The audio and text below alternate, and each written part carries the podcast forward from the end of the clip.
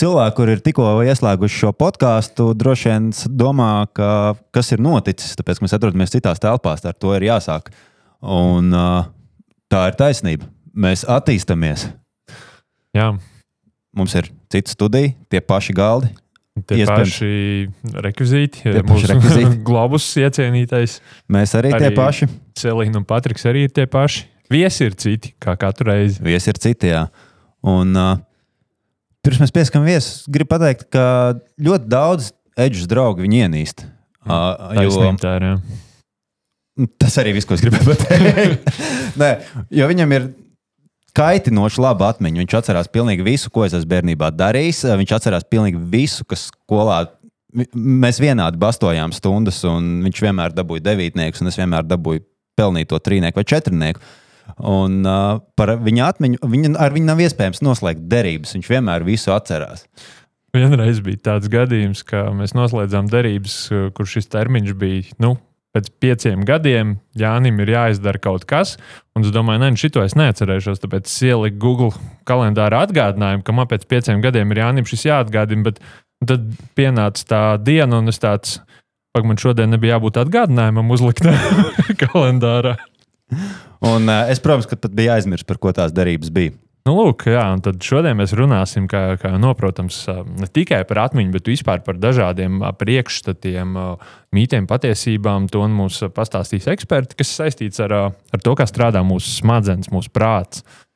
Um, jā, varbūt varētu pieteikt ā, viesus mūsu jaunajā studijā pirmo reizi. Jā, protams, mūsu jaunajā studijā pirmo reizi, un arī pirmo reizi šajā podkāstā ir ā, Zāne Anna Litāniece, neiroloģija atmiņas speciāliste. Sveiki! Un Ainārs Stepens, asociētais profesors neiroloģijā, vadošais pētnieks RSU, izglītības un zinātnes direktors Rīgas Austrum Kliniskā universitātes slimnīcā. Viņš pat Taisnība. nevar vārdu beigas atcerēties, un sākumu vienu vārdu ietvaros. Jā, Jāni, bet- sveicināti. Sveicināt! Jā, nu, lūk, laižam vaļā par smadzenēm. un Mums ir daudz jautājumu. Cerams, ka paspēsim lielāko daļu no tiem. Šis, šis mīts man vai patiesība, to es nezinu, bet ir iesēdies ļoti, ļoti sen. Es esmu dzirdējis, ka cilvēki izmanto ļoti nelielu daļu no saviem smadzeņu resursiem, ka mēs patiesībā izmantojam tikai tur 10 vai 20 procentus, un īstenībā mūsu tā kapacitāte ir daudz lielāka. Vai tā tiešām ir, kad uh, 20% mēs izmantojam, un 80% ir tāda, nezinu, audu masa, kur tur neko nedara mūsu smadzenēs galvā. Viennozīmīgi. Viennozīmīgi. Jo cilvēks ir slings un ā, slinkums ā, vada pasauli. Un ā, īsnībā, ja mēs būtu čaklāki, katrs pats par sevi, es domāju, ka noteikti mēs daudz, daudz lielāku procentu savas smadzeņu kapacitātes izmantotu. Jo tik tiešām mums faktiski ir neizmērojams iespējas mūsu smadzenēm, mūsu vispār spējām kā tādām. Jebkādām. Bet tad sakiet, kā viņi, ja- šīs iespējas neizmērojams, kā var aprēķināt procentu no neizmērojamām iespējām, cik mēs izmantojam un cik nē. Ja, ja iespējas ir bezgalīgas, cik ir ā, 10% no bezgalības? Nu, to mēs precīzi, protams, ka nevaram izmērīt, bet, bet mēs varam mēģināt savā dzīvē pilnveidot sevi. Eh, Maksimāli izmantot uh, savas, uh, savas iespējas, savu, savu smadzeņu kapacitāti, savus, savus, savu ģenētisko materiālu, lai, lai to uzzinātu. Absolūti. Jā, un es varbūt varētu piebalstot Zanēnai par to, ka. Un ar rēģu mēs faktiski varētu piebalstot. Man liekas, no, no bezgalības izrēķināt 10% baigi švaki. Un kaut kā, nu, tā kā noticēt, ka tev tajā smadzeņu podā 80% stāv nu, tā tādai rezervē. Nu, man liekas, ka līdz galam nu, tā, nu, tā nu, man arī negribētos tā teikt. Bet ir skaidrs, ka mums uh, nu, tās smadzeņu vajadzības ir ļoti atkarīgas faktiski no tā, ko mēs darām vai to, ko mēs nedarām. Un savukārt, uh, nu, līdz ar to arī tās smadzenes, ja mēs nolēmtu, vai mums būtu nepieciešamība darīt ko citu, viņas ir gatavas to uzņemties. Nu, protams, ja tās ir veselas smadzenes, un tas ir šajā gadījumā ļoti būtiski. Tāpēc varbūt tās, tās procents, un, un diez vai tur ir ļoti korekti tādi cipari, cik tur ir tagad izmantoti, cik ir eh, neizmantoti. Bet eh, drīzāk ir saistīts ar to, ka skaidrs, ka mēs smadzenēm darbojoties, nu, tajā vienā brīdī nekādīgi viņas visas nu, mm. viņas neizmantojam, un arī tas nav mums jāizmanto. Es tagad pat sāku domāt, nu, kādu mēs varētu iedomāties nu, kaut kādu tādu. Nu, nu, salīdzinājumu. Nu, nu, Galu beigās mums tur leduskapī arī stāv visādi produkti, bet nu, ne jau tā, ka mēs viņus ņemsim visus uzreiz un tagad apēdīsim vai visus uzreiz lietojam. Tad mums tas leduskapis nebūtu vajadzīgs. Un, nu, nezinu, vai šis ir veiksmīgs salīdzinājums, bet, nu, mm. nu, bet es domāju, Tā ideja, ideja paliek. Jā. Un mums ārkārtīgi patīk tā komforta zona. Mm. Ārkārtīgi patīk. Un, un mēs ļoti, ļoti kūtri ejam ārā no tās komforta zonas. Līdz ar to mēs kūtri apgūstam šos mūsu, īstenībā, mūsu smadzeņu kapacitāti, mūsu procentus iespējamos. uh, es izmantoju nu, pat uh, to, ka man Windows update parādījās uh, Windows Copilot, kas ir mākslīgā intelekta čats. Es pajautāju, vai tā ir, ka mēs izmantojam tikai 10% no mūsu smadzeņu resursu. Mākslīgais intelekts uzskata, ka tas ir izplatīts mīts, bet uh, zinātniskie pierādījumi to ir apgāzuši. Kā, lūk.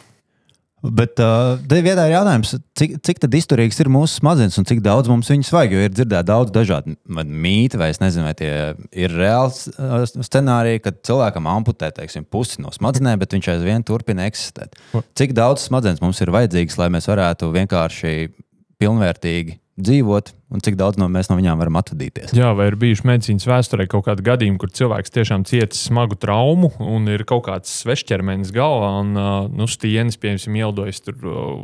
Kaut kādā būvniecības negadījumā. Detalizēt to kaut kādas stieņas. Es atceros, vienkārši bija kaut kāds, ka bija raktuvējs kaut kāds sprādziens un kaut kāds armatūras stieņas bija vīrietim galvā, un viņš ņem un nodzīvo vēl mierīgi desmit gadus.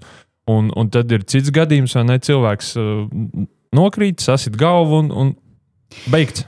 Tas ir ļoti, ļoti atkarīgs no kurā vietā tieši šī trauma notiek un, un, un, un, un kurā vietā tieši smadzenes, smadzenes cieš. Bet nu, katrā ziņā noteikti tas ir nosaucams vienā vārdā - neiroplasticitāte. Mm. Mēs, mēs, mēs, mēs varam atgūties no ļoti, ļoti smagām traumām. Un, eh, protams, eh, cik eh, lielā mm, teiksim, apjomā un, un cik mēs būsim tādi, kādi mēs bijām, tas ir jautājums. Jo tur gan var mainīties gan, eh, gan tiešām mūsu, mūsu atmiņa, mūsu emocijas, mūsu, mūsu vispār pasaules uztvere, ja?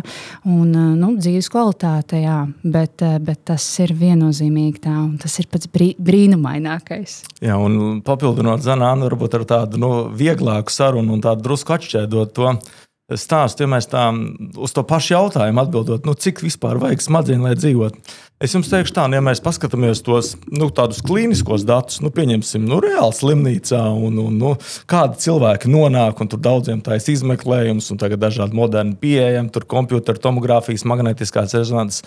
Īsi atbild ļoti maz vajag smadzenes.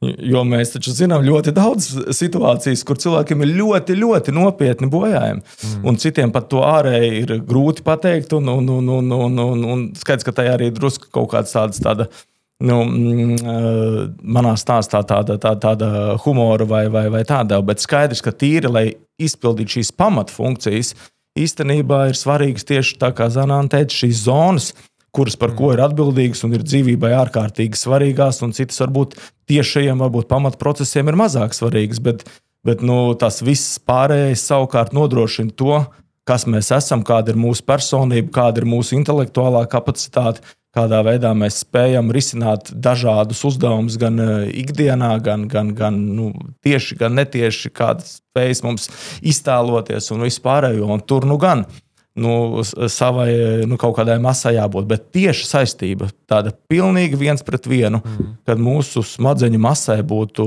viens pret vienu saistība ar mūsu intelektu, skaidrs, ka tāda nav. Un ir tīpaši tās plast, neuroplasticitātes nu, tād, nu, jēdziens vai paši procesi. Ir tīpaši bērnībā ir um, ļoti, ļoti izteikti. Mēs zinām, ka, uh, piemēram, bērniem pēc kādām smagām slimībām vai pēc smagām traumām Viņa neuroprocesāta ir fantastiska. Un reizēm pat pie ļoti, ļoti smaga smadzeņu bojājuma ar būtisku, patiešām acīm redzamu defektu. Mēs nemaz ārēji to nemaz neizjūtam, un cilvēki dzīvo ļoti pilnvērtīgu, sabiedrībai liederīgu un fantastisku dzīvi. Tā kā ja mēs varētu pastīties tajā mūsu smadzeņu podā no visām no tām sabiedrības krējumam, piemēram, ko mēs uzskatītu, man ir liela pārliecība, ka mēs ieraudzītu dažādas lietas Tad- no, no struktūras viedokļa. Tad, tad uh, nav gluži tā, ka lielāka galva un lielāka smadzeņu masa nozīmē gudrāku cilvēku. Un šajā gadījumā tas, ka man ir daudz lielāka galva nekā Jānis, ir tikai sakritībiem. Nu, pa gabalu tā nepateiks, bet Un es arī šeit redzu fantastisku iespēju izsvītrot vismaz vienu no vēlāk uzdodamajiem klausītāju jautājumiem, kas skanēja šādi. Vai smadzeņu svara vai, vai smadzeņu svars korelē ar cilvēka IQ? Respektīvi, Un Tad- IQ vispār ir liekas, atsevišķs jautājums par to, kā vispār to mērīt un, un cik tie testi ir korekti. Bieži vien arī man liekas, tur veseli. Tā ir cita diskusija, nu, bet jā. droši vien cilvēks gribēs pavaicāt, vai lielāka smadzenes nozīmē uh, daudzāku gudrību. Šajā gadījumā, jā, Jānis, arī. uh, nu, varbūt tas vēl drusku tomēr nu, iestarpinot. Tā ļoti interesanta tēma. Un uh, skaidrs, ka tiešā veidā mēs paņemam smadzenes nu, vienkārši tā kā ārā no galvas kausa un nosveram un mēģinam izmērīt IQ. Skaidrs, ka tur nekāda tāda tieša ko, korelācija nebūs. Uh, diez vai ka būs arī korelācija, ja mēs pat padarīsim kaut kādas smalkākas lietas, tās acīm redzamas smalkās. Nu, tā, piemēram, ka mēs paņemtu tikai smadzeņu garozu un mēģinātu izmērīt smadzeņu garozas laukumu, un tad viņu samērīt pret kaut kādu IQ intelektu. Varbūt, varbūt tās, ka tad jau mēs būtu druscītiņi tuvāk patiesībai. Bet skaidrs, ka e, īstenībā tādai efektīvai smadzeņu darbībai eh, nu, nu, kaut kādai jau masai ir jābūt, lai viņi varētu strādāt. Mm. Bet tomēr galvenais, galvenais priekšnoteikums, lai viņi strādātu labi, ātri, ir to, kādā veidā šīs šūnas ir savienotas. Kā darbojas šie smadzeņu trakti, kādas ir šīs sinapses, cik daudz katrai šūnai ir sinapšu. Un tas ir daudz nozīmīgāk nekā masa pati par sevi. Svarīgi, kā mēs dzīvojam, ko mēs darām, kā mēs mācāmies, cik, cik ļoti mēs, mēs pie tā piedomājam. Tas ir ļoti svarīgi. Un, protams, jau atšķirās mazliet sievietes un vīriešu sma- nu, smadzenes. Nu, tā kā Jā, jā, un- ir, un- un līdz tas ir to- arī fakts. Ja, ja, ja būtu taisnība par, uh, par masas un intelektu un tātad šo korelāciju, nu, tad sievietes būtu zaudētājas, jo vīriešu smadzenes tomēr Jā, ir smagākas. Nu, tā, tā, tā, tā, tā nu, tomēr, diemžēl, bet nav taisnība. Nu, ja, Diemžēl, jā. Nu, labi, labi. tad, tad, uh, Pirmie asumi jau Jā, pirmajās jā. desmit minūtēs. Tas, tas, protams, joks, bet mēs zinām, ka tā nav taisnība. Un, un uh, dzimuma atšķirības intelektā nu, nav novērojamas. Un, un līdz, līdz, līdz ar to tā, tā ir atbilde uz jautājumu par masas intelektu Bet, jā, bet jā, mēs par sieviešu smadzenēm runājam. Un, uh, Par šiem mm, uzskatiem, ka smadzenes attīstās līdz 25 gadiem, tad uh, tādā gadījumā mūsu producentai Selīnai vēl ir cerības, bišķīt pielikt. Es domāju, ka mums visiem ir cerības. Jā, kādam vairāk, kādam mazāk.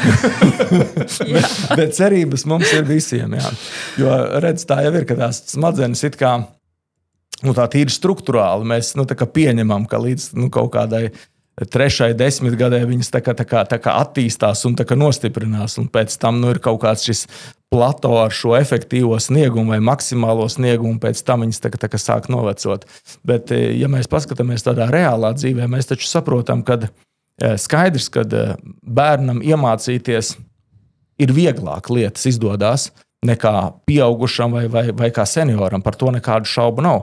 Bet tas taču nenozīmē, ka seniori neko nevar jaunu apgūt. Līdz ar to arī vecumā, tā skaitā lielā vecumā, skaidrs, ka šie procesi varbūt ir lēnāki, nav tik efektīvi, bet teikt, ka mums nav iespēja attīstīt, eh, tā, tā, tā nu gan nevarētu. Cits jautājums ir par pašu to pašu struktūru, viņas, cik viņas ir nobriedušas un, un, un, un, un kādas ir šie savienojumi un kā, cik labi viņas spēja atjaunoties. Un vēl kas lielā vecumā tomēr ir svarīgi, ko mēs esam darījuši pirms tam. Mm. Jo nu, teiksim, ir dažādi pētījumi, kuri, kuri liecina, ka, ka nu, īstenībā visspējīgākās eh, smadzenes, ja, un uh, viss vis tādā, tādā pīķa, tādā, tādā, tādā, mm, ka mēs vispār atrodamies ap 40 gadu vecumu. Uh, Eģu, mums arī vēl ir cerība. Tad ir vēl, vēl cerības. Mēs jau būsim pīķītī. Tā kā, tā kā nu, um, vecumā ir ļoti, ļoti svarīgi, ko tad mēs esam tajos 40 gados darījuši. Mm. Tas jau droši vien ir uh, cilvēku veselība kopumā, vai ne? Mm, Kā tāda, ne tikai smadzeņu. Nu, protams, jā, Arī, jā, protams, bet uh, tur tā lieta, ka, ka nav tā, uh, ir smadzenes, ir sirds, ir uh, plaušas, mm. un tā mēs esam viss vesels. Mm. Un tas ir arī tas, uh, uz ko mūsdienu medicīna arī iet, ka mēs skatāmies uz, teiksim tā, atejam atpakaļ pie saknēm, ka mēs skatāmies uz cilvēku kopsumā, kopumā. Un, nav tāda lieta, procesa organismā, kas neietekmētu citu procesu. Nu, nav tā. Mēs esam tādi ļoti ārkārtīgi, fantastiski veidota. Uh, mašīna. Nu, mašīna. jā, jā. Galvenais, lai kāpjoties apakšā, neaizējām apakšā pie tām dēlēm, kuras aplipinas apkārt un mēģina ārstēt visu ar to.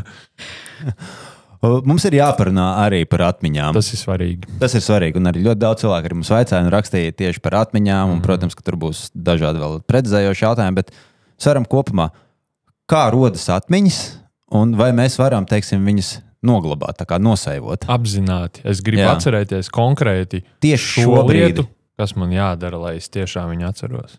Bet, protams, kā savādāk mēs varētu dzīvot. kā savādāk mēs varētu dzīvot? Un dažiem sliktāk.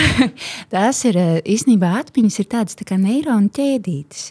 Un, um, un uh, ir tas teiciens, atkārtošana ir zināšana māte. Un tas tiek, tiešām tas tā arī ir. Es varu vēl vienu jautājumu izdarīt no. Nu. ārā no izsūtītiem, jo tur bija, vai atkārtošana tiešām ir zināšana māte. Nu, jā, nu, jā, jo ir tā, ka jo vairāk mēs tās neironu ķēdītes darbinām, jo labāk mēs atceramies.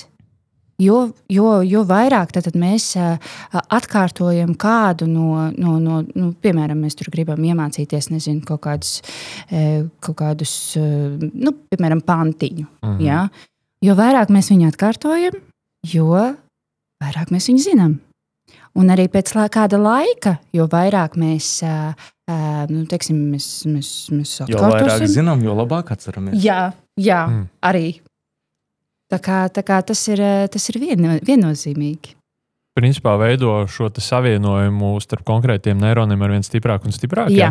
Pirmo reizi atkārtojam pantiņu, tas tāds grāmatas celiņš, Jā. pēc tam jau nobruģējam, tad sešu oslu strāsi, un mēs un ar vien tā, ātrāk varam. Jā, un tur tā lieta, ka arī tas grāmatas celiņš, ja tu tikai vienu reizi atkārto šo, šo, šo, šo, šo lietu, tad arī var eh, pēkšņi viņš pārtraukt mm, ar kādu lietas. citu. Tieši tā, aizskalo lietas. Jā ar kādu citu uh, atmiņu. Teiksim tā, pārēju šo neironu ķēdīti. Vai mums nebija jautājums par uh, no, no Multens Simpsona, kur bija uh, galvenajam tēlam Homēram tā, ka viņš atceroties kā, kādu jaunu lietu, viņam no galvas izkrīt viena vecā, viņam ir ierobežots skaits. Jā, tas arī ir jautājums, vai mūsu, kāda ir mūsu cietais, cietā diska ietilpība galvā.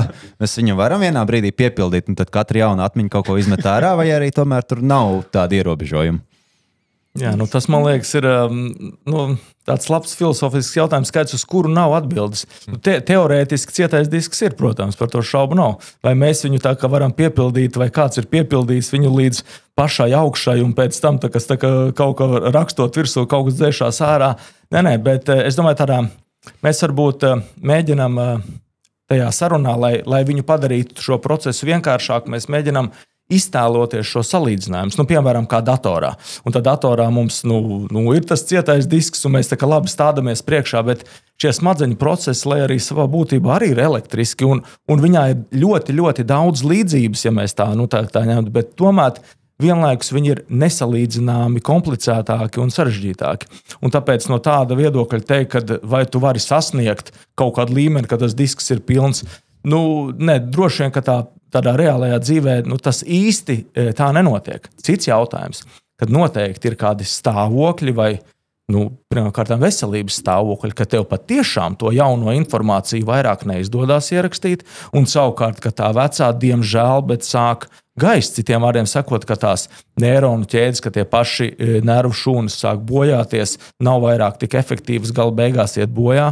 Un, protams, ka kopā ar šo fizisko šūnu bojājēju iet arī nu, pazūd tas, tas, tas, tas grāmatas celiņš, kā saka, sāk aizaugt un, un, un, un pārvērsties lēnāk ar atkal atpakaļ pa, pa tādu pļavu, un, un, un skaidrs, ka kādas lietas arī zūd.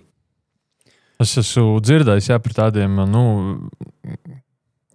stāvokļiem, diagnozēm, kur piemēram cilvēkiem uh, Viņi atcerās ilgtermiņa atmiņas, kas viņiem ir saglabājušās jau labu laiku. Nu, protams, viņš neaizmirsīs, kā sauc māmu, tēti un kas ir viņa vīrs. Bet pirms viņš ne, neatcerās, kur nolika atslēgas pirms uh, desmit sekundēm. Nu, nav vienkārši. Kā, kā, kā šo var skaidrot, kas notiek cilvēku galvā?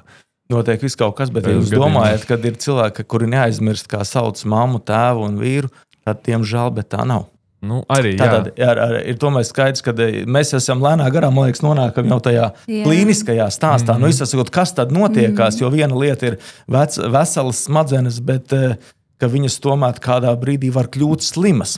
Un skaidrs, ka tur ir simts un dažādi iemesli, un, un droši vien atkarībā no vecuma posma, un jo jaunāks ir cilvēks, jo tie riski ir citādāk pamatā saistīti ar teiksim, tiešu kaut kādu smadzeņu traumatismu vai nu varbūt kādām smadzeņu iekaisīgām slimībām tālāk kaut kur vidusposmā sāk parādīties jau saistībā ar sirds asinsvadu slimībām, pieaug smadzeņu insulta risks, nu, tad, tad dažādas tādas slimības. Bet, ja mēs paskatāmies un, un atejam druscītiņu eh, malā no tādiem nu, tā acīm redzamiem notikumiem vai skaidrām slimībām, tad viena nu, tā lielā pasaules lielā pro, nu, problēma ir saistīta ar to, ko mēs saucam par neirodeģeneratīvajām slimībām, mm. kuras gala beigās nu, ir, ir dažādas neirodeģeneratīvās slimības, tādas, kas sākotnēji ir varbūt vairāk ar kustību traucējumiem, varbūt tādas citas, kas ar uzvedības traucējumiem, citas ar atmiņas traucējumiem. Gala beigās nu, viņas nu, nu, tajā savā uh, beigu posmā jau nu, viss izskatās stipri līdzīgi kā viena, tā otra, tā trešā. Bet, ja mēs atgriežamies nu, pie šīm neirodeģeneratīvām slimībām, nu, tā slimība, ko kad ir šie domāšanas traucējumi, parasti mēs to saucam par tā, kas sākās ar viegliem kognitīviem traucējumiem. Nu, tad parādās tas, ko jūs stāstāt, ka nu, aizmirstās, nu, ka nu, patās, ko izdarīju, un atkal nāk un prasa to pašu jautājumu un domā, kā tas ir. Bet gala beigās tas ir tāda veida traucējumos, kur jau šīs personības izmaiņas, cita veida dažādi simptomātika, un to mēs saucam par demenci. Un tā ir tas, ir tas lielais nu, tā, bubulis par to, nu, kur tad mums, lai mēs tur saslimtu, nesaslimtu. Un, ja mēs savukārt paskatāmies uz demenci, tas tās arī ļoti interesants. Nu, nu, nu, tas tāds lietu sarga jēdziens, tur apkārt, apakšā, tur simts un vienu var atrast slimību, kā tas ir. Bet kopumā, ja mēs runājam par demenci, divas trešdaļas ir Alzheimer slimība. Tālāk, vie, viena trešdaļa ir tāda, kas vairāk saistās ar asinsrites problēmām. Un tad, nu, varbūt es bišķi tagad tos procentus tur pieliku mm. nedaudz klāt, nu, tad tur vēl 10, kaut kādi 15% paliek tādai slimībai, kur reti kurš dzirdējis par demenci ar, ar leviju ķermenīšiem, un visas pārējās ir kaut kas ļoti, ļoti kaut kāda sīka daļa. Citiem vārdiem sakot, tajā brīdī, kad mēs runājam par demenci, mums ļoti, ļoti, un arī argumentēti iemesli pēc, li lielā mērā runājam par to, ko mēs saucam par Alzheimer slimību un Alzheimer patoloģiju.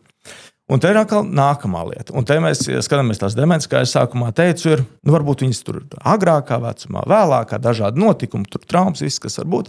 Bet demence kā sloks vispār kā problēma, kā problēma.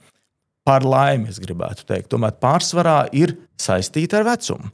Tātad 65, nu, teiksim, plus tas būtu tas, tas, tas raksturīgākais, kad mēs varētu attiecināt to sadalījumu, kur pārsvarā ir šī Alzheimer slimība, vaskulāra demence, un tās pārējās jau nu, noteikti būtu tā kā, tā, tā, tā kā, mazākā mērā. Un redzat, un šī ir tāda pasaules tāda, nu, tāda, nu, tās vai jaunās pasaules tā. Tāda dilemma, pat ne dilemma, bet kaut kāda tāds, tāda kontroversija vai principiāla pretruna. Jo, ja mēs saprotam, ka demences galvenais riska faktors ir kāds, nu, kā jums liekas? Nu, kurš ir galvenais riska faktors? Nu, vecums. Vecums. Neapšaubām. Tad savukārt mūsu medicīna attīstās, mm. viņa kļūst aizvien, aizvien labāk. Visi mēs gan gribam, gan arī reāli dzīvojam ilgāk, jo pārējās slimības mēs ārstējam aizvien labāk.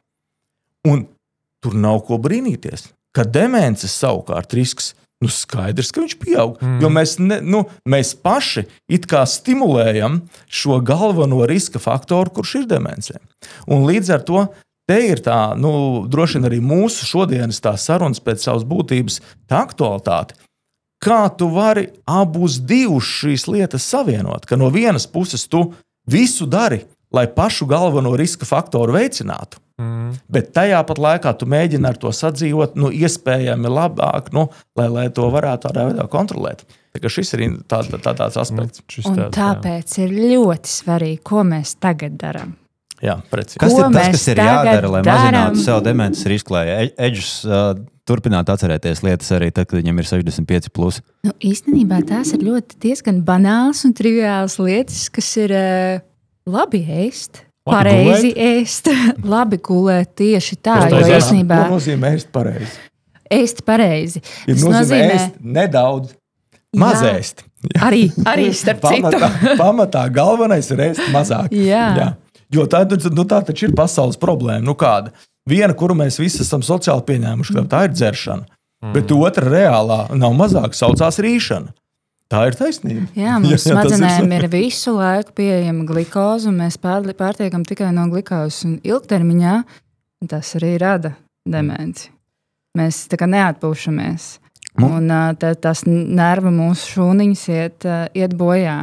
Un tik tiešām pievēršot uzmanību, īstenībā man liekas, ka mēs dzīvojam ļoti absolūti fantastiskā laikā, kad tiek, ā, tiek tik daudz kas atklāts un tik daudz pētījumu iet um, gan ar visādiem suplementiem, gan ar, ā, gan ar, ā, gan ar šīm dzīvesveida izmaiņām. Un, ā, un, un īstenībā tiek, notiek ļoti, ļoti forši, ka notiek tā mm, aktīva dzīvesveida popularizēšana, ka notiek šī te, ā, veselīga dzīvesveida popularizēšana, e, ka tas ir, tas ir tagad tā kā modē.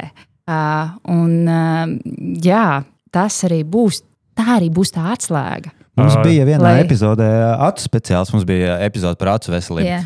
Un speciālists teica, to, ka viss kārtībā, neuztraucieties, mēs pilnīgi visi esam nolemti brillēm vecumdienās. Cik lielā mērā šis līdzīgi kaut kā attiecās arī uz demenci, agrāk vai vēlāk? Vai mēs visi esam tam, nole, tam nolemti, vai arī tomēr mums ir kaut kur kāds 95 gadnieks, kurš atcerās visu tā kā wow? Nu, šaubu nav. eh, Kad, eh, tātad, ja mēs runājam par demenci, no vienas puses, ja mēs tā paskatāmies, tad tas atbilde vienkārši skaidra. Ka demence ir slimība, un slimība nevienā vecumā nav uzskatāma par normu. Nu, tad, citiem vārdiem sakot, arī 95 uh, gados, lai arī šis risks ir ļoti, ļoti liels, bet, uh, vai, vai būtiski lielāks, bet tajā pat laikā tomēr tas tiek uzskatīts par slimību. No otras puses, tas ir ļoti labs salīdzinājums ar šīm acu slimībām. Mēs labi saprotam, ka pēc 40 gadu vecuma iestājās presbiopija, jeb šī vecuma redzes, un tad mēs esam visi it kā esam nolemti brillēm. Mm. Tad, tad ko, vai tad mēs visi esam slimi te iznāk? Nu tā, ja mēs tā paskatāmies, tas ir labs jautājums. Un līdz ar to, ja mēs paskatāmies tā varbūt drusku, drusku plašāk, īsa atbilde, protams, ir vienkārša. Nē, demence nav, demence ir slimība, jebkurā vecumā, arī simts gados demence ir slimība. Bet tāpat laikā, ja mēs tā pieejam lietām no salīdzinoša eh, tāda aspekta un, un, un, un uh, kompleksi, mēs saprotam, ka tas risks būtiski, būtiski pieaug uh, kopumā ar vecumu. Līdz ar to, jo vecums ir lielāks, jo risks līdz zināmam vecumam palielinās. Bet paturiet prātā, līdz zināmam vecumam.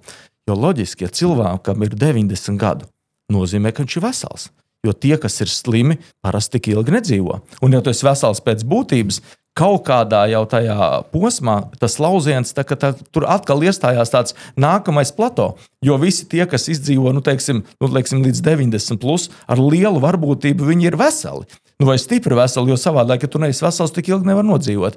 Un tad savukārt, tad varbūt tās, tas, ja tu līdz tam jau neesi dabūjis demenci, tad tas pīķis nu, nav vairāk. Nu, tas ir, ir, ir tā, tā, tā korelācija ir, ir, ir lēzāka nekā no, no, no, no, no 60 līdz 85. Tad tu sasniedz to riska faktoru maksimumu, līdzīgi tā kā Simpsonos Misters Bērns, kur, viņam, kur viņš bija tik slims, ka viņš bija vesels. Jā, uh, no vecumdienām lecam atpakaļ uzreiz bērnībā. Uh, vai ir taisnība, ka daļa mūsu atmiņu ir konstruēta varbūt kaut kāda tāda spilgta atmiņa, ko es atceros, kad jā, es tur četru gadu vecumā bērnībā ēdu saulainā dienā saldējumu un gāju ar vecstāvu pa pilsētu pie rokas, ka varbūt es to esmu izdomājis, un tas nemaz nenotika tieši tā, kā es to redzu savā galvā. Jā, nu tas ir tas, ka um, um, pirmkārt, šeit ir varbūt divas daļas. Pirmkārt, mēs atceramies tās atmiņas, kura, kuras mums saistās ar ļoti, ļoti spilgtām emocijām. Tajā mirklī, tā, kad mēs ļo- ļoti, ļoti spilgti jūtam, un, piemēram, dusmas vai prieku vai, vai kaut ko kaut ko tādu foršu. Eh, Mēs labāk viņus atceramies, un, eh, un mēs ilgstoši viņus atceramies. Viņus tiek noglabāts eh, konkrētā vietā, un, un, un, un, un, un tiešām atcaucot, eh, atcaucot eh, viņus arī pieaugušā vecumā, mēs tiešām atceramies. Tas, kas ir viltus atmiņas, nu, tas ir tā. Um, tātad bērnībā šī atmiņa mums ir tāda bišķiņa reālāka. Tātad uh, mēs, mēs viņu atceramies. Jā. Laikam paiet, varbūt mēs esam nonākuši tieši tādā pašā situācijā. Nu, piemēram, nu, nezinu, tas sal, nezinu, Ēdu vasarā sal- saldējumi. Jā, jā saldējums. Saulainā dienā forši. Tādas situācijas mums ir bijušas vairākas. Un tās visas situācijas tiek no, noglabātas blakām tam bērnības saldējuma ēšanai. Un tad uh, mēs, piemēram, runājam ar saviem draugiem, uh, un tad viņi stāsta, kā viņi bērnībā ēda saldējumu. Nu, piemēram, tur uh, zoodārzā. Un tad nākošajā reizē atkal tā, tā, tā, tā, tā draugu atmiņa, respektīvi tā, ko jūs esat dzirdējuši? Viņi ir atkal noglabāti tieši turpatās. Un nākošajā reizē, kad atkal atsau, atsaucam to atmiņu, tad kā nevar saprast, nu, laikam, bija zoodārs vai ne? Tas saldējums. Tad atmiņā tāds swinger klubiņš tur notiek. Viņš laiku switchojās un mainās. apmēram, apmēram. Jo, jo bišķiņ, bišķiņ saplūst, pārplūst, un, uh, un mēs uh, laikam ejot, mēs īsti um, mm. nevaram, nevaram atšķirt, kas ir, kas, kas ir tas. Ir ļoti daudz pētījumu par it sevišķi tiesās. Tur, kur ir šie te, uh, kur, kur ir uh, nopra, nopratināmie tur, tur liecinieki un tā tālāk. It sevišķi tur tas ir ļoti, ļoti spilgti, spilgti parādīts. Tā kā tā. Tad ir iespējams, ka tavā atmiņā ar vecāku un saldējumu bērnībā tas ir kāda cita vecāks. Man Nu? ir ā, īstenībā mm, ieteikums, kā tu varēji skolas laikā atcerēties tās matemātikas formulas labāk. Nu, kā Zana teica, ka vajag ā, to saistīt spēcīgām emocijām, tev vajadzēs viņām vairāk dusmoties, bišķi. Tad tev paliktu atmiņā. Tagad, man liekas, es saku, mēs ļoti labā foršā laikā dzīvojam. Tad, kad viss, viss vienkārši attīstās, kad, eh, protams, kad ir. Ir arī ļoti daudz tādu, varbūt, eh, pseidozinātnes, teiksim, tādi, tādi pārstāvi, kas, eh, kas, kas varbūt, eh, ka- kas varbūt ne, ne tik daudz to visu, visu, visu pareizi saka un dara. Bet, bet tik daudz informācijas ir sociālajos tīklos visur. Kā labāk atcerēties, piemēram, tas pats Jims Kviks. Es domāju, ka jūs esat dzirdējuši šīs te, dod šīs te, šos te padomus, kā, kā, kā tieši kā vislabāk iemācīties kaut ko. Vēl daudz dažādu mm, neirozinātnieku, kas ir aktīvi sociālajos tīklos. Ir ļoti daudz. Ir ā, tā Milzīgi. saucamā redzes atmiņa, dzirdes atmiņa, ka viens atceras labāk dzirdot, viens labāk izlasot. Tāda lieta ir īsta, vai, vai tas ir vienkārši. Jā, jo mēs esam katrs savādāki. Mēs absolūti operējam, um, arī savas atmiņas mēs operējam tādā veidā, kā mēs labāk uztveram pasauli. Mm. Uh, ne, jā, Nē, nē, nu, tieši tā, skaidrs, ka es ar to aizdomājos, vai mēs tā nu, nevaram visu cilvēku sadalīt tā nu, ļoti pēc tām kategorijām, ka viņam ir tikai redzes, tur dzirdes vai vēl kāda atmiņa. Bet, protams, ir kaut kādas nu, trenētas tev maņas vai faktiski tās. Nu, durvis vienas šaurākas, vienas plašākas, kuras nu, tad iet uz to grantēto vai uz to lielceļu, nu, pa kurām, nu, kuras tev ir labāk trenētas vai kuras tev ģenētiski ir, ir platākas dotas. Tas arī, protams, dod šo nu, ļaut tiem nu, impulsiem, tam stāstam ienākt. Uh, Un, un arī faktiski tajā neironu ķēdē pēc tam arī tālāk tikt uzlabotām. Tā kā es domāju, tā, tā, vieno, tā viennozīmīgi ir. Un ir skaidrs, ka cilvēks, tie, kas ir trenējušies, un, un, un uh, nu, nu, nu, nezinu, nu, nu, piemēram, es zinu vienu konkrētu piemēru. uh, Un, nu, es, viņš, cilvēkam patiešām bija fantastiska, uh, vai ir fantastiska redzes atmiņa, tāpēc ka viņš mācījās, viņš ir profesionāls mūziķis, viņš mācījās dažādas dziesmu, tur partijas un tā tālāk. Un viņš savukārt, kā viņš to redz, to, to, to stāstu, ko aiztēlojas, viņš tādā veidā arī sev. Nezinu, raksta tās piezīmes, nu es atceros to no studiju laika, un, un, un nu, tā, tā, tā raksturo šo situāciju. Ja? Tā kā man liekas, ka nu, jā, nu, tās maņas jau, pa kurien nu, viņas nonāk, tā arī viņas tiek glabātas. Ja?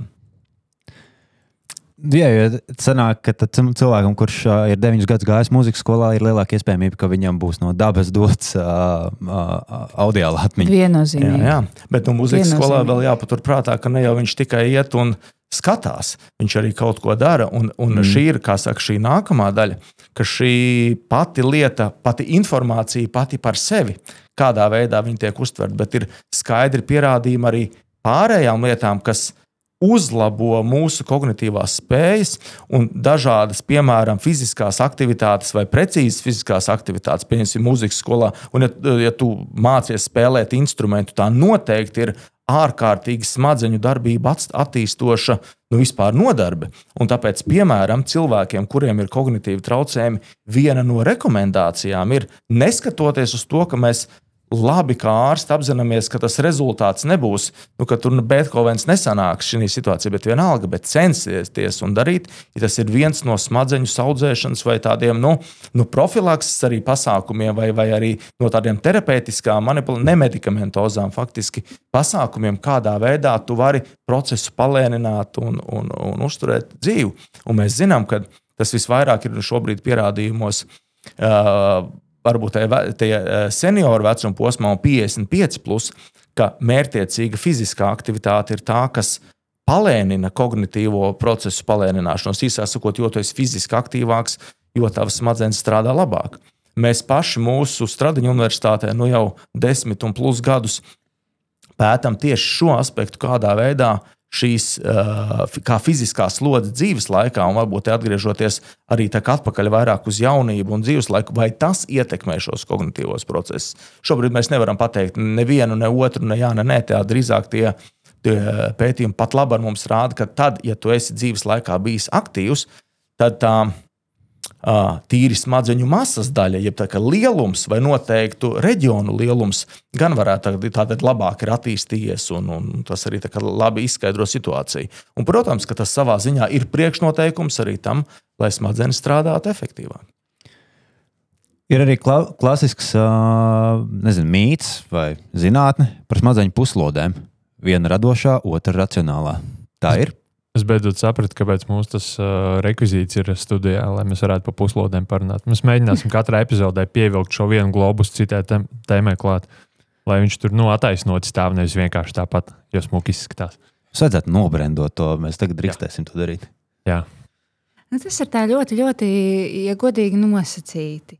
Tas tomēr ir nosacīti. Un arī, um, nu, jā, protams, labā kreisā puslode un tā Bet, eh, bet eh, īstenībā mēs katrs operējam pavisam savādāk. Un, un, un, un, un, un tik tiešām tas, tas, tas, tas nu ir tiešām ļoti, ļoti nosacīti. Nu, ir kaut kādas funkcijas, kuras ir diezgan izteikti, nu, mēs to saucam lateralizētas. Pieņemsim no tādas patiešām tāda klīniskā viedokļa.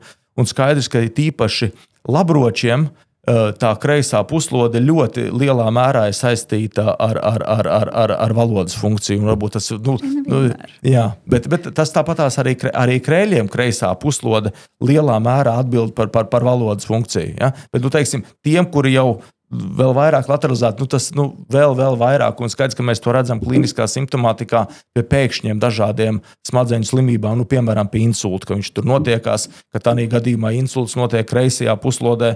Mēs redzam, ka funkcija traucējums ir labajā un savukārt to pavada runas traucējumi. Ja otrādi viņš notiek labajā puslodē, jā, nu, tā kreisā puse, kas liek būt ļoti simetriski kustībām, ir tāpatās kā pie kreisās puslodes traucējumiem, bet nu, tāda tipa runas traucējumus mēs nenovērojam. Bet tāpat laikā kā mēs vienalga nu, nu, redzam kādus cita veida uztveres uh, nu, tos traucējumus.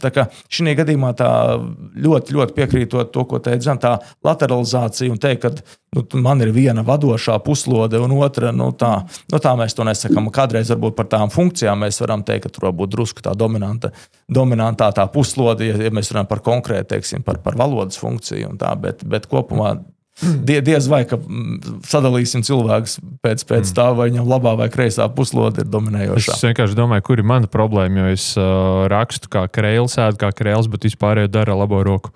Bet tas ir labi. Jā, jā tas, tas, tas ir labi. Okay. Bet, uh, droši vien jūs esat krēls. Man sauc par uh... ģenētiski krēls, droši vien. Jā, jā, jā droši vien. Jā, ģenētiski droši vien.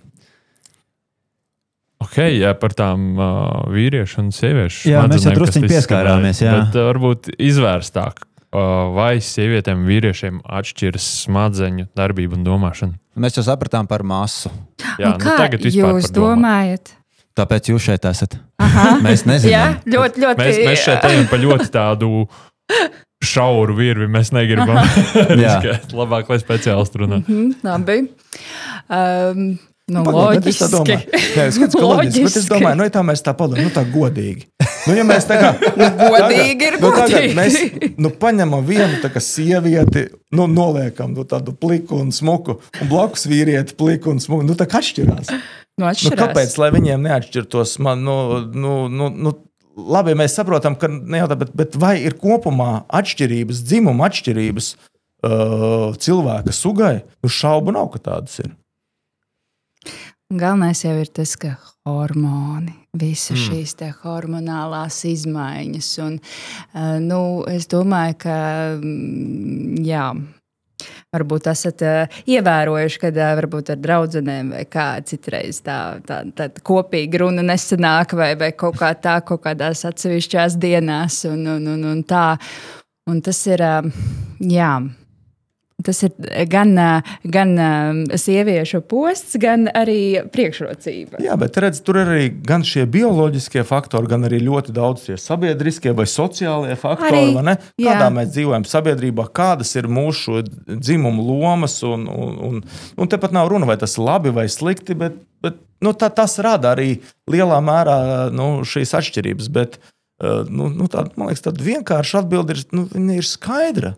Faktiski pilnīgi gandrīz visās funkcionalitātēs mēs redzam dzimumu atšķirību. Citās tās ir varbūt izteiktākas, citās varbūt tas ir tādās niansēs. Bet nu, skaidrs, ka, nu, ja vīrietim nu, ir raksturīgi, ka viņam ir lielāka muskuļu masa, ir lielāka muskuļu masa, skaidrs, ka viņš nu, fiziski ir uh, spēcīgāks, nu, ir spēcīgāks. Skaidrs, ka tam ir apakšā vesela virkne nu, bioloģisku faktoru. Bet vai tas nozīmē to, ka vienmēr vīrietis leks tālāk vai, vai skries ātrāk? Tas atkarīgs savukārt no tā, nezinu, no trenētības tā tālāk. Bet skaidrs, ka kopumā vidēji raugoties, nu, tās atšķirības ir vērojamas. Jā. Skaidrs, un uz šīs nots mēs arī varam virzīties pie sadaļas, kas saucās klausītāja jautājumi. Jo mēs katru reizi saņemam pēdējā laikā diezgan daudz jautājumu, bet uz šo epizodu mēs saņēmām tā, ļoti daudz jautājumu. Uh, Labi. es sākšu ar vienu, kas bija ienācis vairākas reizes. Kas ir deja vu sajūta? Tīri tehniski skatoties. Jau iepriekš redzēts. Jā, tātad sajūta, ka tas, kas ar tevi notiek, jau iepriekš ir bijis dežavu. Jā, bet kas mums notiek galvā? Ka, kāpēc viņi rodas? Uh, Tad, kad mēs nokļūstam kaut kādā pazīstamā situācijā, jau iepriekš uh, uh, bijušā situācijā, mums tā kā liekas, ka pat ja mēs ne, neesam bijuši tajā telpā, bet mums liekas, ka mēs, uh, tā telpa ir pazīstama, ka mēs, uh, ka mēs uh, nu, nezinu, tur krēsls varbūt stāv tā kā mājās vai, vai kaut, kas, kaut, kaut kas, kas mums dod šo deja vu sajūtu. Un, uh, man, uh, Uh, varbūt tā muļķīgi, bet man pašai, tad, kad es pieredzu šo sajūtu, kaut kur dzirdēju, uh, tas, protams, nav evidence-based un vispārējais, ja, bet, uh, ka, ja ir šī deja vu sajūta, tad uh, es eju pa pareizo dzīves ceļu. Man ļoti ārkārtīgi patīk šis te. Es, es būtu baigi uzmanīgs. Jo tāda klasiska dežavu sajūta ir reizēm pie dažādām neiroloģiskām Reka. un, un neiropsihiskām nu, slimībām. labi, rekurs sievietes un vīriešu loģika. Jā, nē, nē, ir, es tā gribēju teikt, tā, ka, pro, protams, Zanāna ļoti vispārējais teica, ka par, eh, tā, tā, tā sajūta viņa, nu, atkal, viņa var būt gan pavisam normāla eh, cilvēka smadzeņu darbības, pavisam normāls rezultāts. Un, bet savukārt, ja tas notiek saistībā ar kādām citām nezinu, slimīgām vai nepareizām eh, izpausmēm, vai ir kādas citas slimības sastāvdaļa, tad mēs viņu varam analizēt. Un tad, ja mēs skatītos, kas notiek tajās galvas smadzenēs, nu, es tā neesmu ļoti pētījis, bet es pieļauju, ka tad mēs gan varētu redzēt noteikti smadzeņu centru kaut kādas aktivācijas tajās vietās, kas atbild vairāk par, par, par vizuālajām un vizuāli telpiskajām teiksim, atmiņām. Šī gadījumā pārsvarā tur tas lokalizēts pauru daivās un, un tā tālāk, ja? vai pauru pakaušu daivu tajās eh, robežu zonās. Bet eh, tas nu, ap, absolūti ir nu, tas jēdziens pats dežavu, it kā ir. Nu, nu, kā saka, daži vārdi, bet viņš var būt no pilnīgi normālas sajūtas un normālas tas, kādā veidā mēs uztveram pasauli līdz arī nu, noteiktu jā, tādai patoloģiskai slimības sastāvdaļai. Ja tas ir bieži un ja tas ir tā kā visu laiku, nu, tad ir, protams, ka jāvēršās pie ārsta un, un, un jā, jā, jārisina šis te. Bet, nu, ja tas ir tā, No tā, ka mēs ejam pa pareizo labi. dzīves taku, Jā. mēs arī blakus vēl noliekam patoloģiskas slimības. Tā kā, Jā. nu, lai pilns Apmēram, jā. Balansē. Nē, nu, redzat, bet te, te ir tā, tā atslēga, ka, nu, nu, tomēr, lai tu varētu šo visu apgūt, nu, divās dienās nesanāk. Tev ir labi jāmācās skolā, tad diezgan labi jāmācās augstskolā. Pēc tam jāiet rezidentūrā. Nu, tas jau kopā mēs kādus 20 gadus jāmācās. Ir, ja? Un tad vēl kādu brīdi jāstrādā. Nu, tas diezgan komplicēti. Tā ir Nu, taisnība. Šajā visā procesā, protams, noder laba atmiņa. Tāpēc klausītājs grib zināt, vai biezpiens palīdz uzlabot atmiņu, un vai vispār ir kādi pārtiks produkti, kas palīdz atmiņas darbībai. Jā, bet, protams. Biezpiens vai vēl kaut kas? Uh, uh, Biezpiens ir obaltums, un, un skaidrs, ka obaltums, uh, jebkurā gadījumā mums ir uh, arī gan ar gaļu, gan ar, gan ar, gan ar pienu šiem produktiem absolūti nepieciešams, lai mēs, uh, respektīvi, strādātu labi vielmaiņa, arī tā izskatā smadzeņu vielmaiņa. Un, un tā. Bet nu, tie superfoodi, kas ir, protams, kad ir šie te, uh, labie tauki, kas ir uh, avokado, uh, visas. Um, monosaturētās eļļas, ka tur mm, olīveļa, kokosrieksteļa, mm, visas traknās zivis, kur ir omega-3 un omega-6. Viss, viss, viss, uh, viss tā teikt, visa paka labā. Viss negaršīgais. ja ne? Nē, viss gar, nē, garšīgi. Rieksti visi. Un, un sevišķi valrieksti. Vai jūs esat ievērojuši, ka valrieksti ir kā smadzenes. Vai ne? Mm. Viņi vienmēr pēc krevels izskatījās. Skaisti. Tev ir bijis Skaisti. saudabīgs krevels, jā. Arī, arī tad, tad ogas, piemēram, ā, goji ogas, vēl, vēl, vēl simt un viens tūkstots un viens daudz dažādu, dažādu superfoodu. Jā, viss, kas ir garšīgs, un arī tas, kas negaršīgs, bet ne tikai. Bet, ja mēs tā paskatāmies no otras puses, man nu, tā kā tādā diskusijā. Te jau būtu jau baigi forši, ka mēs varētu sēsties goji ogas un, kā saka, un nebūt dementi. Bet man liekas, ka nu, tā, nu, tas stāsts varbūt nav tik daudz par pašu biespienu vai par goji ogām. Protams, ka katrā no viņiem ir ārkārtīgi vērtīgi uzturlīdzekļi, un, un, un, un kas patiešām ir vajadzīgi gan mūsu smadzeņu, gan citādā veidā darbībai. Bet atslēgas tomēr vārds ir par to, ka tam uzturam ir jābūt sabalansētam un veselīgam. Un kā mēs te nu, drusku jokojām tajā pašā sākumā, ir daudz svarīgāk, ka viņa nav pa daudz. Lai cik būtu īpatnēji, bats ir viens no tām lietām, kas uzlabo atmiņu. Jā, un intermittent, fasting tas, Jā. ā, tas nu absolūti ir tik miljons par pētījumiem. ā, Arī tagad nesenie, kas ir, ā, kas ir pierādījuši, ka, ka tiešām ieiešana šajā, šajā nosacītā ketozē ā, nu, ir, ir ļoti, Ar ļoti. dažādiem medicīniskiem pozitīviem, Jā. varbūt bet Bet rezultātiem. tieši smadzenēm ļoti. Jā. Tur uh, iet uh, jautājums par pē- pēdējiem teiksim, pē- pētījumiem, kad šī visas uh, gan keto diētas, gan arī, gan arī nu, ieiešana ketozē kā tādā, uh, kas notiek ar uh, sirsniņu. Uh, bet, uh, bet tieši runājot par smadzenēm, absolūti.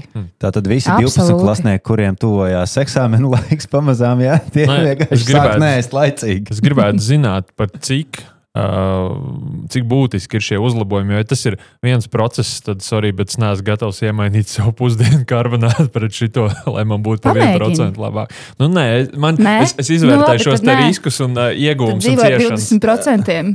Jā, Nē, tik, tik traki. Es, es gribētu teikt, tā, pagaidi, tie Nu, iegūmi labi, tomēr ir ļoti jo- lieli. Ja mēs, ja mēs paskatāmies no tā dzīvesveida, un tad ir nu, gan arī tā, ka jāsadala varbūt tās tomēr pa posmiem.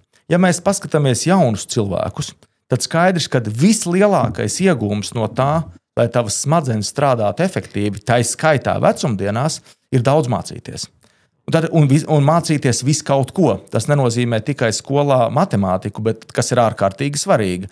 Bet arī mācīties sportot, dažādas prasmes iegūt, iet muzikas skolā un tā tālāk. Tad šis ir viena lieta, ka tev ir jāmācās. Tālāk, vidusposmā ir ārkārtīgi svarīgi, lai tu sekotu līdzi kopumā dažādiem pareiziem veselības paradumiem. Jo mēs zinām, ka vislielākais risks, teiksim, vecumdienās ir tiem, kas tieši faktiski tajā vidusposmā, pašā efektīvākajā, kā to es savā spēku pilnbriedā, neizsekojas līdz tam, savam svaram, savam cukuram, savam asinsspiedienam. Vēl muļķīgāk, tu neesi uzlicis ķiveri galvā, braucot ar slēpēm vai, vai, vai, vai ar, ar, ar riteni, vai, nu, kas ir acīm redzama muļķība. Ja? Un, uh, tie savukārt ir tie riska faktori, kurus mēs varam mainīt. Jo mēs jau pašā sākumā runājām, ka pats galvenais, nu, tas riska faktors, to mēs visādi, mē, visam darām visu, lai mēs viņu veicinātu, lai mēs dzīvotu ilgāk. Ja? Un savukārt, tādā senioru vecumā, tur atkal ir arī, protams, ir ļoti svarīgi šie kopējie nu, riska faktori, kurus mēs parasti saucam par sirds asinsvadu riska faktoriem. Bet tomēr tur lielāka nozīme parādās fiziskai aktivitātei, dažādai sociālajai komunikācijai un tā tālāk.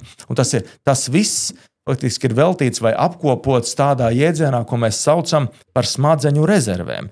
Citiem vārdiem sakot, ka mēs dzīves laikā visu darām tādējādi, lai mūsu smadzenes būtu maksimāli resursiem bagātas, un tajā krīzes situācijā, ka nu būs tā slimība, vai nu akūtā, vai nu tā, tā kroniskā, ka tomēr mums pietiktu šī iekšējā resursa ilgāk un labāk noturēt. Citiem vārdiem sakot, tas krājums pagrabā ir jāsāk veidot, jau tas ievārījums jāsāk uzkrāt jau no paša, paša vasaras sākuma, lai pietiktu līdz nākamā pavasara beigām. Jā. Un tas ietver sevī tomēr pareizu šo pilnvērtīgu diētu un, un, un šī regulāras fiziskās aktivitātes, nevis kampaņa veidīga. Pie veselīga dzīvesveida mums arī ir jautājums, kā alkohola lietošana ietekmē smadzeņu darbību un kas ir tas, kas notiek smadzenēs tajā brīdī, kurā tu dzer?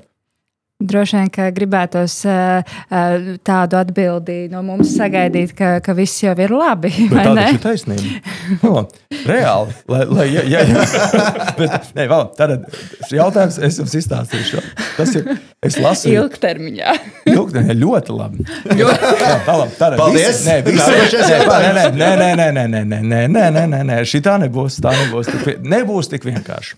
Ja cilvēki, ja paskatās, vai cilvēki kuri lieto alkoholu, vai viņiem, ja mēs skatāmies demence, demence vai risku samazina vai nesamazina. Nu, viss, protams, atkarīgs no tā, cik tu dzer. Nu, tā, nu, nu, Mūsu platumgrados cilvēki dzer ļoti daudz, bet, ja mēs paskatāmies tādās dienas devās, nu, teiksim, vīna glāzēs mēs rēķinātu, mhm. -huh. tad kopumā, ja tu gribi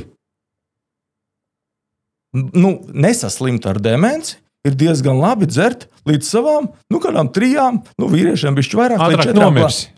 Uh, vīna glāzēm. Nē, nē, tā nebūs demence. Bet nu, šis ir labs jautājums par to otru aspektu. Citiem vārdiem sakot, ja tu gribi aizmukt no demences, tad tik tiešām var, kā saka, ēst maz, skriet daudz un arī lietot alkoholu. Ne, ne pārāk daudz. Jo, ja pārāk daudz lieto alkoholu, tas ir būtisks riska faktors, lai tu dabūtu dažādus sirds asinsvadu traumatiskus un tā tālāk notikumus. Taču vai kopumā alkohols ir veselīgs? Vai alkohols varētu būt, nu, ja mēs tur pasargājam no demences, mēs zinām, ka no sirds asinsvadu slimībām, nu, ir taču tā pareizi, ka tu, nu, tu tāpat tās var dažas glāzes vīnu dzert ļoti labi sirds asinsvadu slimībām. Nu, vēl tur kaut kādas slimības ar citu no otrā tipa cukurdiabēta, druscītiņa, druscītiņa arī iespējams pasargā alkohols. Bet kopumā tad alkohols ir, ir inde vai nav? Diemžēl ir. Diemžēl tas nozīmē, un kāpēc? Kā jums liekas? Kāpēc? Kas ir galvenais riska faktors, kāpēc alkohols ir rinda? Dēļ kā? Kuras ir tās slimības, dēļ kurām cilvēki mirst ātrāk, tie, kas lieto alkoholu? Alkohols ir slimība. E, protams, neapšaubām, bet, bet viņa, viņa ir labi mūsu platuma grādos relatīvi izplatīta, bet kopumā nav galvenais, varbūt, e, nāves cēlonis. Bet, ja mēs paskatāmies no tādām slimību grupām, kas ir galvenais iemesls, e, kāpēc alkohols tomēr ir rinda? Ietriešanās ar mašīnu palīstabā arī tā, neapšaubām, neapšaubām traumatisks. Jā. Bet es jums drusku palīdzēšu. Onkoloģiskās slimības ir tās, un tā ir pati galvenais risks. Īsāk sakot, ja tu gribi aizmukt no demences, jā, drusku dzert labi. Gribi aizmukt no sirds uh, išēmiskās slimības, jā, drusku dzert ir labi. Ja gribi aizmukt no diabēta, jā, drusku dzert ir labi. Bet kopumā tālu neaizmuks, nomirs ātrāk. Bet drusku. Mhm. Drusku tas ir. Nu, viena... Trīs, četras glāzes dienā. Tas ir kā kura. Nu, ja jums tas ir trīs, četras glāzes dienā? Jā, bet runājot par atkarībām. Jā, nu, jā. Kāpēc uh, daži cilvēki kļūst atkarīgi, un kāpēc dažiem ir tāda lielāka tolerance pret šīm atkarībām. Nu, kāds uh, pamēģinās pirmo reizi dzīvē alkoholu un viss, un viņš bam aiziet pa šo ceļu, un kāds varbūt var iedzert uh, reizi mēnesī, pēc tam vispār viņam neinteresē mēnesi, pusgadu, gadu neinteresē uz to alkoholu skatīties. Šeit ir, diemžēl, arī mm, jā, ļoti daudz pētījumu tieši par ģenētisko predispozīciju, par to, kā strādā strādā mūsu organisms. Dehidrogenāzes, jā, Jā, kādā veidā. jā, kā, kā, tā. attīra organismu no alkohola. Bet, me, Jā. bet mēs tomēr neesam narkotiķi. Ka Mēs Nu kaut ko te tagad Nē, tas ir klausītāja jautājums. Nesastāstām, bet, bet kopumā, man liekas, Zanāne, nu, tieši tā, ka te ir ļoti, ļoti liels individuāls variācijas. Mm. Līdzīgi tāpatās nu, nu, ir dažādas arī citas atkarības un toksiskas vielas, un mēs zinām, ka nu, vienam tas ir letāli un citam nebūtu. Jā, un nē. viņš tomēr izjauja, nu, teiksim, šī alkohols kā tāds, te pašā arī laikā arī kokaīns un, un, un vēl, vēl mm, daudz dažādu narkotiku. Uh, Viņš tomēr ietekmē mūsu uh, šos baudas centrus, viņš apmāna mūsu uh, neironu uh, šos te komunikācijas ceļus, sinapses jā, ar visiem šiem te uh, dopamīnu, bišķi, bišķi, teiksim tā, mm, sajaukšanu.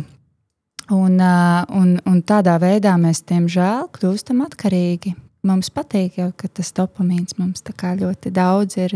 Sākotnēji tas tā ir, pēc tam nu, tas Mhm. viss mainās. Jānis ir mūsu sociālā tīkla eksperts, un es redzu, ka viņš jau nosās, lai pajautātu par to, kā sociālai tīkli, uh, viss šis īsais saturs ietekmē smadzeņu darbību. Aiziet, Jāni, es tev ļaušu Es nolasīt. knosos pie cita jautājuma, bet tu jau tikko pavaicāji arī šo Nu, jautājumu. nolasi, kā klausītājs to noformulēja. Jā, klausītājs vaicā, vai mums ir problēmas ar koncentrēšanos. Sociālā tīkla nogalina attention span, un uh, ko tas nozīmē? Vai tas ir slikti? Un kā, šā, kā šāds īsais formāts un ļoti daudz uh, satura īsā uh, laika posmā, kā tas ietekmē mūsu domāšanu, un uh, vai tas ietekmē? Protams, ka tas ietekmē. Protams. Ne, nu, Tas Pala, Man, man jau liekas, ka viss ir kārtībā reizē ir būt nu, tas daudzums. daudzumā un mērenībā. Nu, tā ir tā atbilde. Nu, kas no tā var būt? Nu, mēs ļoti mēģinām skatīties caur to mūsu ļoti, ļoti nu, tādu to prizmu, kas ir šeit un tagad. Bet kopumā cilvēka sugai tomēr nu, kāds miljonus gadu. Nu, pa miljonus gadiem, nu, kādi sociālie tīkli, tad tie mūsu gēni, nu, viņi nespēja tik ātri adaptēties kaut kādiem notikumiem, tām tehnoloģijām, cik ļoti mainās pati pasaule. Un, un, un, un tā. Līdz ar to skaidrs, ka šīs dažādas tehnoloģijas mums dod iespējas. Tā ir skaitā iespējas gan komunicēt, tā ir skaitā iespējas arī varbūt labāk gan saprast, gan, gan diagnosticēt pat slimības, un reizēm mēs viņus pat varam izmantot kādā ārstniecības procesā. Taču kopumā ilgstoša blenšana ekrānā neapšaubāmi neirotizē. Neirotizācija neapšaubāmi pasliktina uh, uztveres spējas, pasliktina koncentrēšanos un tā tālāk. Un līdz ar to uh, mēs tādā tīri klīniskā vidē mēs patiešām redzam, nu, to var nosaukt par epidēmiju, vai nosaukt par to, ka tas ir daudz, bet cik ļoti daudz jaunu un spēcīgu cilvēku ir neirotizējušies. Citiem vārdiem sakot, kuriem ir dažādas panikas lēkmes, un superdiagnozes, kā veģetat, somatoforma, vegetatīva disfunkcija un tam līdzīgi. Un tam līdzīgi. Kā ir viena daļa no tā, ka cilvēki nespēja adaptēties tam milzīgai e, intensitātei, ar kādu notiek informācijas apmaiņa. Tāpat tās arī milzīgs, milzīgs informācijas apjoms nonāk uh, smadzenēs tieši fokusējot visu laiku redzi kādā ekrānā, vienā, otrā vai trešajā, un tas nu, kaut kādā brīdī nu, nu, piekos. Nu, tu nevari visu laiku cilāt, es nezinu, hanteli vai, vai, vai, vai kādu citu tādu muskulis piek, nu, piekos. Nu, nu, līdzīgi ir ar smadzenēm, ka kaut kāds tas resurss izsīkst. Un ja tu visu laiku dzīvo tajā ritmā, kurš nav ģenētiski dabīgs, Tā ir skaitā ļoti daudz, un, teiksim, nezinu, neguli pa nakti. Nu, ja tu neguli pa nakti, bet tajā laikā blends televizorā vai, vai, vai ekrānā, un tu neesi kārtīgi izgulējies no rīta, nevajag brīnīties. Nu, tas, nu, nu, par ko tur brīnīties, ka tava koncentrēšanās spēja nākamajā dienā ir slikta? Labi, kamēr tu esi jauns, varbūt tās tu vari to atļauties vienu dienu, divas, bet, nu, ja tu to dari, nu, kā saka, gadiem no vietas, tur nav ko brīnīties. Jā. Un tas tik, tik tiešām, diemžēl, jau arī tā ir. Ja mēs paši sev pajautājam, izdomājam, kuros brīžos mēs skrolējam šos sociālos tīklus. Tā ir sava veida atkarība, tā ir sava veida tāda it kā atslēgšanās, bet tajā pašā laikā tā jau nav atslēgšanās. Smadzenes visu laiku strādā, viņas ir, viņas ir konstantā tādā mm, trauksmē, teiksim tā. Un, ja mēs to darām pirms miega, tad ārkārtīgi traumēta ir mūsu miega arhitektūra. Ārkārtīgi. Un tad līdz ar to tad, tad šie klucīši tā smuki saliekās, ka jā, Viss aiziet par pieskari. ja mēs ir... neizgaļamies, mums nav atmiņas, mums nav koncentrēšanās spējas, mēs slikti jūtamies un tā tālāk. Un šeit arī mums klausītājs jautā, ko nozīmē frāze atpūtini smadzenes, vai viņas ir iespējams vispār atpūtināt, ņemot vērā, ka viņas visu laiku strādā. O, jā. Kā, o, jā. kā, kā šis klausītājs var atpūtināt smadzenes? Uh, protams, ka ir uh, meditācija. Uzvilkt ķēdes. Uzvilkt ķēdes ir viens no ļoti efektīviem un vienkāršiem paņēmieniem, bet ir, ir drusku, varbūt sievišķīgāk. Sievišķīgāk un drusku jā, meditēt. Jā. Jā, jā, jā, absolūti. Un vislabāk smadzenes atpūšas tiešām miegā un kvalitatīvā miegā. Tad, kad miega, miega fāzes ir tiešām smuki, smuki strukturētas un, un, un smuka šī miega arhitektūra, un viss ir labi. Jā, jo, jo to noteikti var Jā. salīdzināt ar to, ja tu gribi, nu, lai tā māja tev būtu kārtīga, nu, tev ik pa laikam viņa ir jāsakopja. Un tās smadzenes patiešām, lai arī viņas nu, to kopšanas darbus dara, nu, vairāk vai mazāk visu laiku, bet tomēr nu, tā ģenerāla tīrīšana notiek reāli miega laikā. Tas ir viens no nu, vispār svarīgākajiem aspektiem, kāpēc mums vispār miegs ir vajadzīgs. Jo lielākā daļa zīdītāju guļ. Man liekas, ka 90 Nu, laikam, kādi 5% no zīdītājiem guļ miegu. Ja? 5% neguļ. Jā, bet, bet, bet, ja, nu, tā tad mums ir jā, jāspēj kaut kādā veidā atjaunināties, tā skaitā, skaitā smadzeņu darbiem. Protams, arī meditācijas, ja? un, bet regulāras un, un, un, un elpošanas šie vingrinājumi, kas ir, kas ir tik tiešām ir tik ļoti, ļoti daudz pētījumu tagad, kā ietekmē tieši gan elpošanas vingrinājumi, gan, gan šī, te, šis te meditatīvais stāvoklis mūsu, mūsu prātu un pēc tam mūsu kognīcijas spējas. Absolūti. Kā tas, Absolūti. Kā, kā tas uzlabo spēju pēc tam koncentrēties Jā. un, un savukārt ja, nu, to, apgūt jaunu informāciju. Jā. Un tad cilvēks uzvelk ķēdes, dodas uh, vakar skrējienā vai kaut ko pastaigāties, uzliek austiņas, klausās podkāstu, skatās viņu pa ceļam. Nu, izklausās labi, tikai pārāk vēl nedrīkst darīt. Ja saskraidās uz nakti, tad var miega fāzē būt grūti un tā trauksme var palielināties. Tu gribi nolasīt tomēr to pēdējo jautājumu. Jā, jā mums ir, mums it kā ir iet jau uz beigām laiks, bet es nevaru ne, neuzdot šo te jautājumu. Uh, kurš ir? Kāpēc tev tas tik ļoti interesē? Man vienkārši patīk, ka šeit cilvēks ir nācis ar konkrētu piemēru un, un, un, un ārkārtīgi ētisku piemēru. Protams, mums ir ārkārtīgi daudz jautājumu, kuriem mums paliek neatbildēts ar citu. Uh, Vai es varu kādam iepotēt atmiņu, kas nav notikusi? Piemēram, ja aizmirsu apsveikt draugu dzimšanas dienā, vai es varu likt laika gaitā viņai domāt, ka es patiesībā viņu tajā dienā biju apsveicis? Nu, re, kur ir stāsts par tām viltus atmiņām? Ja? Protams, ka draudzene atcerēsies to uzreiz, ja? ka, ka nav apsveicis. Ja? Bet, eh, bet pēc kaut kāda laika, eh, kaut kā iepinot sarunām vai kaut kādu tādu viltus informāciju, ja? nu, tādu ļoti nemanot, eh, eh, jā, īsnībā šeit var nostrādāt šis triks, eh, kad tās atmiņas sāk mm. smadzenes teiksim, likt vienu pie otras, un tad kaut kā pišķiņi sajukt mums. Tad kā tad arī... ir noticis īstenībā? Ja, ja mums draugs saka, ka ārpats taču atceries, kā, kā es tevi apsveicu tur toreiz pirms diviem gadiem ar tām, ar tām puķēm. Bet tā nāk divi draugi un saka, paklau, atceries, cik forši mēs pie tevis. Tad viņi sajūta. Vēl dabūt vēl sev sabiedrot. Tas nebūs pagājuši, nebūs pagājuši ne 50 gadi, un šie jau ir pirmie demences aizmeņi, ka tavu draugu tev noticēs. Jā, Tas nav. Man ir sieva vispār. Tad mēs varam likt noticēt vēl visādas lietas. Bet, ja mēs paskatāmies nu, tādiem psihologu eh, pētījumiem, skaidrs, ka par tām viltus atmiņām tur ir daudz pierādījumu, kā, kā, kādā veidā cilvēku var Tātad šīs viņa atmiņas eh, noteiktās aspektos mainīt, bet tas varbūt nav tik ļoti vienkārši, kā divas reizes draudzenei vai sievai teikt, ka, paklau, ka tomēr es tevi apsveicu, vai tu neatceries, kur es to gradzenu, kur tā, kur tā gradzens ir, kur es tev dāvināju. Nu, man liekas, tik vienkārši nebūs, bet um, jā. Man uh, redzot to, kā Jānis Akā ļoti cītīgi spēlēs savu laulības gradzenu, ir kā, rodas nedaudz aizdomas, ka viņš ir vienkārši savu sievu pārliecinājis, savu draugu pārliecinājis, ka viņa ir viņa sieva. Varbūt tas kāds nemaz nebija. Bet baigi daudz cilvēku piedalījās šajās atmiņas veidošanā. Tur ir tie kolaboranti. Es biju visu izplānojis. Bet arī eh, kāzās vienmēr ir emocijas. Un emocijas tieši mums paspilgtina to, ka mēs atceramies.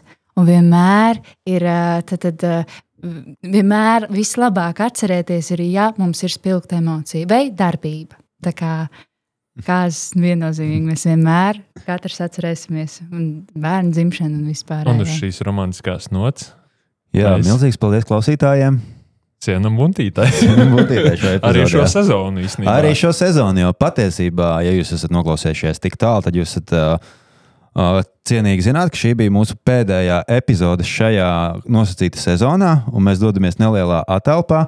Bet Jā. uh, mēs esam tik spēku un enerģijas pilni, ka mēs mēģināsim uh, negaidīt līdz nākošajai sezonai. Nu, līdz rudenim negaidīt, jā. Jā, un darīsim, ko varam, lai atgrieztos pie jums ātrāk. Jo gal galā rekur mums ir jauna studija. Un mums ir ārkārtīgi tik daudz ne, neuzdot jautājumu, kas šodien. Varbūt būs otrā daļa, un varbūt Obligāti. aicināsim atkal jūs ciemos. Obligāti. Vienmēr. Paldies! Podkāsts Zinātnē, muļķības ir tapis ar Mēdīju atbalsta fonda līdzfinansējumu.